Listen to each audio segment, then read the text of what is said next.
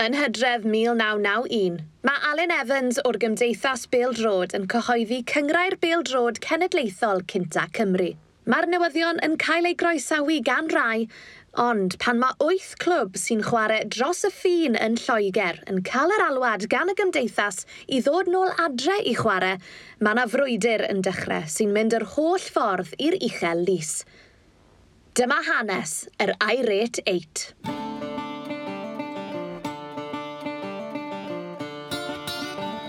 Fi yw Sione Dafydd ac yn y gyfres yma gan sgorio fyddwn ni'n olrhain hanes ein cyngrair cenedlaethol a'r wyth clwb cafodd yr alwad i ddychwelyd i Gymru yn 1992. Fe glywn ni wrth y cefnogwyr a'r chwaraewyr oedd yno ar y pryd. Newn ni ddilyn hanes yr wyth clwb hyd heddiw a gofyn siwt mae pethau am newid i'r clybiau yn y dyfodol. Ond yn gynta, beth am wers hanes? Dwi just about o ddigon hen i gofio cyn tywed, y, y gyngrair. Um, Dyma May Emrys. Narfon a Bangor o chwarae neu byd pobl fel... Mae fe'n hanesydd sy'n arbenigo mewn pêl drod. Mae fe'n gwybod i stwff. Ie, yeah, un ar ddeg deuddag yn ei pan ath y lig i setio fyny. Felly, pam bod clybiau o Gymru yn chwarae yn Lloegr yn y lle cynta? Yn un peth, un o'r yma oedd clybiau yn penderfynu edrych tua dwyrain a chwarae am gysylltiaethau'n Lloegr, uh, oedd achos bod yr cysylltiadau trafnidiaeth yn gymaint gwell uh, rhwng Gogledd Cymru a Gogledd Gogledd Orllewin, Lloegar ar un modd yn y de, y cysylltiadau rhwng de Cymru a de Orllewin Lloegar, yn llawer gwell na'r cysylltu, uh, yn llawer gwell na'r uh, y cysylltiadau trafnidiaeth rhwng de a gogledd Cymru. Felly, o ran hynny, mae o'n haws i'r tîm yma edrych tua dwyrain a chwarae'n Lloegar, ond hefyd, yn amlwg, mae'r tîmau mawr yn enwedig, neu tîmau mwy, eisiau chwarae mewn cystadlaethau sy'n safon uwch a chwarae yn erbyn tywed, tîmau da, tîmau sy'n mynd i ddenu tyrfaoedd i gwylio nhw. Ac yn amlwg, oedd gallu chwarae yn enwedig yng Nghyngrair y de yn y Southern League yn erbyn tîmau fel West Ham, QPR ac yn y blaen, oedd hynny yn atoniadol iawn uh, i dîmau neu Cymru. Dyna pam felly, Ond pryd ddechreuodd Clybiau Cymru chwarae yng Nghyngreiriau a Chwpanau Lloegr? Mae clybiau peldroed Cymru wedi bod yn edrych tu ar dwyrain ac yn chwarae mewn gystadlaethau'n Lloegr o'r dechrau i ddeud y gwir. Um, pan oedd peldroed yn dechrau tyfu'n i boblogrwydd yng Ngogledd Cymru ddechrau fo'i uh, yn ystod y gawdod dwytha y 40 ganrif o bymthag. Wel, I ddechrau fo'i, mae yna dima o'r gogledd ddwyrain, e, pobl fel e, Derwyddon a e, Rexham a'r Wain yn chwarae yng Nghwpan Lloegar yn ystod yr 1880au. Mae er, e, Derwyddon yn cyrraedd rownd gog interfynol y Cwpan Lloegar ar ddechrau'r 1880au. Mae hyd yn oed cynaf yn Wonders o'r gogledd o'r llewin, tyoedd ar nhw gymryd rhan unwaith uh, yng Nghwpan Lloegar, o ddeg i un yn stoc uh, a byth dychwelyd uh, o dan yr enw yna i chwarae yng, yng Nghwpan Lloegar eto. Um, a wedyn, fel ath uh, amser ymlaen, cyngreiriau yn cael, yn cael ei creu, a erbyn diwedd y bedwaredd gan y bymthag, ond nifer fawr o dima o Gledd Cymru yn chwarae yng Nghyngrair combination yn benodol, Cyngrair o ddefoi chanolbwynt yng Ngogledd o'r Llewyn Lloegar, uh, oedd yn cynnwys tîmau fel uh, ail dima, Everton a Lerpwl, Crew, Tramio Rovers, y lefel yna o dima. A wedyn, yn amlwg yna dipyn o dima o'r gogledd ddwyrain, Rexham wedi bod yn ben campwyr ar y gyngrair yna, nifer o weithiau. Ond fel ath amser ymlaen, nath y tîmau eto mwy gorllwyfinol ddechrau cymryd rhan, Llandudno Swift, Rhyl, Bangor, hyd yn oed uh, ar droad yr 20fed ganrif am dymor, fe oedd y dre newydd ag Aberystwyth yn rhan o'r gyngrair yna. Mae'r un patrwm wedyn yn cael ei ddilyn yn y de, yn ystod y degawd wedyn. Ar ddechrau yr ugeinfed ganrif, mae pel droed yn dechrau tyfu mewn poblogrwydd yn y de, ac yn syth mae'r clybiau newydd sydd yn cael ei ffurfio fanna yn edrych eto tu ar dwyrain i'r Western League i ddechrau fo'i cas newydd uh, a Te Harris yn ymuno efo'r gyngrair yna yn tua 1996. A mae gan cyngrair y de neu'r Southern League uh, Lloegar maen nhw'n rhan holl bwysig o ddatblygiad pel droed yn ne Cymru, achos yn y blynyddoedd dwytha cyn y rhyfel byd cyntaf, mae'r gyngrair yna'n penderfynu ehangu i mewn i dde Cymru, a mae yna dima newydd yn cael ei creu yn benodol i ymuno hefo'r Southern League. Uh, Abertawe, er enghraifft, yn, yn enghraifft o hynny, yn glwb gafodd ei greu yn benodol er mwyn ymuno uh, efo'r Southern League. A yn y blynyddoedd dwytha yna cyn yr, yr rhyfel mawr, mae yna bedwar ar ddeg gwahanol glwb o dde Cymru uh, yn chwarae yn y Southern League uh, yn chwarae yn erbyn tima uh, o, o, o, o bob ran o, o dde Lloegr. Roedd y cysylltiadau rhwng Clybiau Cymru a Chyngreiriau Lloegr wedi hen sefydlu felly, Ond gyda dim cyngrair cenedlaethol yng Nghymru tan 1992, doedd dim llawer o opsiynau arall i'r clybiau oedd yn aros i chwarae yn y system ddomestig yma. Trwy gydol yr er ganrif, mae yna nifer fawr o gyngreiriau rhanbarthol wedi bodoli yng Nghymru. Um, cyngrair arfordir y gogledd. Er enghraifft, gyn ti Cambrian Coast League, gyn ti uh, gyngrau Canolbarth Cymru, jyst i enw tair. Um, a mi oedd na rei symudiadau wedi cael ei gwneud efo'r bwriad o drio creu cyngrau genedlaethol ymhell cyn 1992. Um, so ni'n mynd nôl eto i'r cyfnod na just cyn yr hyfel byd cyntaf, pan oedd cyngrau'r y de yn ffynnu ac yn denu tîma o dde Cymru chwarae dros y ffin, pryd hynny, mi nath Cyngrair Morganwg, er enghraifft, newid i enw i yr Welsh League, achos i bod nhw eisiau cystadlu hefo y Southern League, bod, bod nhw eisiau creu cyngrair o ddolia e mewn enw yn gyngrair genedlaethol. Um, a wedyn, yr un fath, yn, yn y 30au, mi fi yna rhyw gynlluniau byrhoedlog i drio creu cyngrair genedlaethol yng Nghymru. Ond nath ni byth weithio, a, a un o'r yma, er enghraifft, os ni'n mynd yn ôl at uh, gyngrau Morganwg neu'r Welsh League cynta, oedd y tîm agora eisoes yn chwarae yn y Southern League, a felly doedden nhw ddim yn gweld sut rhaid nhw'n nhw'n rhoi allai ail dîm i chwarae yng Nghyngrau'r Cymru fel oedd hi'n cael ei galw. Um, doedden nhw ddim yn gweld hwnna fel blaenoriaeth.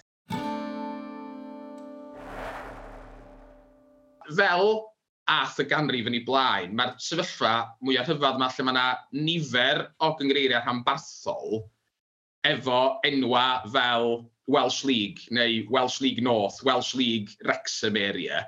Um, ond er bod gen nhw'r enwa yma sy'n awgrymu bod nhw yn gyngreiriau uh, um, uh, sydd ar gyfer Cymru gyfan, mewn gwirionedd rhai rhanbarthol ydyn nhw. So ni'n mynd yn ôl i 1992, y ddwy byd brif gyngrair oedd o'n bodoli yng Nghymru cyn uh, i'r uwch gyngrair gael ei chreu, oedd y Cymru Alliance, ond eto, er bod o'n enw cenedlaethol, tîm ar gogledd oedd yn hwnnw, a'r Welsh League ar gyfer tîm yn y de. Ar ôl yr holl aros am gyngrau'r cenedlaethol a gyda phrif glybiau Cymru yn chwarae dros y ffin, penderfynwyd newid y drefen ar ddechrau'r 90au a chyflwyno cyngrau'r cenedl gyfan cynta yng Nghymru. Pam? Wel, y ddadl oedd yn cael ei ddefnyddio yn aml oedd bod cyngrau'r cenedlaethol Cymru yn mynd i ddiogelu tîm cenedlaethol Cymru. Erbyn dechrau y 90au, dwi'n meddwl bod yna ofn gwirioneddol gyn rei pobl bod statws Cymru fel cenedl beldroed annibynnol o'i tîm cenedlaethol ei hun, bod hwnnw wirioneddol o dan fygythiad. A un o'r rhesymau am hynny oedd bod na nifer yn obod tebyg o aelodau FIFA, uh, yn enwedig gwledydd o Asia a Africa, bod nhw'n ddig ac yn anhapus iawn bod gen Cymru a yr Alban a Gogledd Iwerddon a Lloegr, bod gen nhw gymaint o ddylanwad dal i fod dros beildroed rhyngwladol, achos oedd gen y pedair gwlad yna i seddi parhaol i hunan ar y bwrdd peildroed rhyngwladol, ac ochr yn ochr efo nhw, y pedair, mond pedair sedd oedd gen gweddill aelodau FIFA i gyd. A felly, mi oedd na ryw sybrydion a ryw ddechrau cwyno bod rhai o aelodau eraill FIFA yn mynd i drio gwthio i sicrhau bod pedair gwlad Prydain yn chwarae o dan un fanner fel fath o tîm GB. Ac oherwydd hynny wrth gwrs, fysa tîm Cymru yn diflannu. Erbyn 1992, roedd 34 mlynedd wedi mynd hibo ers i dîm Cymru ymddangos yng Nghwpan y Byd, ac roedd 24 mlynedd arall tan byddai'r tîm yn cystadlu yn yr Euros am y tro cynta yn 2016. Teg dod i'r casgliad felly bod hi'n gyfnod tywyll i'r tîm cenedlaethol, ond roedd hi yn gyfnod cyffroes. Ym mis Mehefin 1991, curodd Cymru yr Almain o gol i ddim yng Nghyrdydd – Almain oedd newydd ennill cwpan y byd mond blwyddyn yn gynt. Ian Rush sgoriodd y gol ac oedd e'n un o ser y garfan cenedlaethol. A dweud y gwir, oedd e'n un o ser y byd pêl drod. Oedd e wedi ennill cwpan Ewrop gyda Lerpwl, wedi chwarae i Juventus ac wedi ennill esgyd air Ewrop yn 1984. Fe sydd yn dal y record am y nifer fwyaf o goliau i Lerpwl hyd at heddiw. A dim Ian Rush oedd yr unig seren yn y tîm chwaith. Oedd Neville Southall yn cael ei ystyried fel un o golwyr gorau'r byd. Oedd Mark Hughes wedi chwarae i gewri Ewrop, Barcelona, Bayern Munich a Manchester United.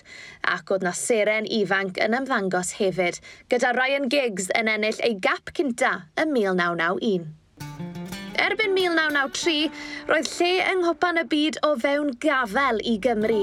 Buddugoliaeth yn erbyn Romania yn y gêm ola oedd ei angen, ond oes dim angen atgoffa cefnogwyr Cymru o beth ddigwyddodd wedyn. Tor calon, unwaith eto. Oedd hi'n gyfnod digon cyffroes i beildrod Cymru felly, ond beth yw'r cysylltiad rhwng y tîm cenedlaethol a'r gyngrau'r cenedlaethol? Am o'n i, un dadl hawdd iawn i'r bobl mae'n neud os oedden nhw eisiau uh, gweld y pedwar gwlad yn cael eu cyfuno, oedd deud, wel, does gen Cymru ddim hyd yn oed i cyngrair genedlaethol ei hun. Mae tîm agorau nhw i gyd yn chwarae yn Lloegr. Felly, os oes gen nhw ddim i cyngrair genedlaethol ei hun, wel, pa hawl sgyn nhw gael tîm cenedlaethol ei hunan, heb sôn am gael y dylanwad a sedd barhaol yma ar y bwrdd peldroed rhyngwladol. Pan gyhoeddwyd y gyngrair newydd, roedd disgwyliad ar y clybiau oedd yn chwarae yn Lloegr ddychwelyd i Gymru. Fel mae'r enw Irate 8 yn ei awgrymu, 8 clwb gath yr alwad i ddod nôl. Ond, oedd hyn ddim yn cynnwys tri clwb mawr.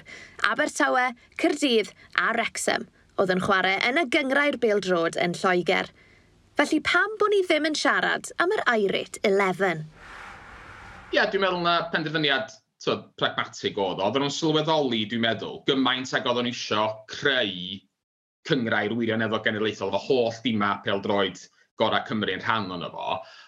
Dwi'n meddwl bod nhw'n derbyn bod y tri clwb bod nhw'n chwarae yng Nghymru Lloegr, er bod nhw'n chwarae yn y drydydd a'r bedwarydd adran ar y pryd, bod y safon oedden nhw'n chwarae mynd i fod yn dipyn uwch na safon uh, yr gyngrau'r genedlaethol newydd yng, yng Nghymru. Felly, mi gath Abertawe a Chaerdydd ar exam, lonydd i raddau, i gario ymlaen fel oedd nhw. Dwi'n meddwl bod yna elfen o hygrededd yn y peth. Os wyt ti eisiau creu a galw cystadleuaeth yn gyngrair wirioneddol genedlaethol, mi wyt ti angen y tîma gorau i gyd yna. Um, mae'r ddadl yn syth wedyn, wel, oce, okay, mae yna dri tîm gafodd rwydd hint i aros yn Lloegr, so mae hynny'n tynnu regrededd oedd wrth fod syth. Um, ond y tu hwnt i hynny, fel o'n i'n deud, dwi'n meddwl bod, bod Cymdeithas Beldroed Cymru yn gweld safon neu'n ystyried fysa safon y gyngrau'r newydd yma, rwla tua, ti'n bod, uh, haen ucha non-league yn Lloegr, tua uh, pumed haen uh, uh, drwy draw os, os lici di. A felly, dwi'n meddwl unrhyw dima o fano i lawr, mi oedd angen i cael nhw'n ôl i chwarae yng Nghymru, neu fes yna ddim hygrededd uh, o gwbl i'r gystadleuaeth. Cyngrair newydd i Gymru felly, ac wyth clwb yn cael yr alwad gan y Gymdeithas Bêl-drod i ddod nôl o Loegr i ymuno yn y fenter newydd. Ond beth oedd y clybiau'n feddwl am y gorchymyn? Ymunwch gyda ni ar rifen nesa'r gyfres pan fyddwn ni'n clywed gan y cefnogwyr am ymateb cymysg clybiau'r iRadiate i'r alwad i ddod nôl i Gymru. Diolch i holl gyfranwyr y gyfres am eu hamser nhw. Eu stori nhw yw hwn. A diolch i chi adre am wrando hefyd. Os ych chi wedi hoffi gwrando, byddwn ni'n gwerthfarogi chi'n argymell y gyfres i'ch ffrindiau a rannu stori yr iRate 8. Tan tro nesa, hwyl fawr!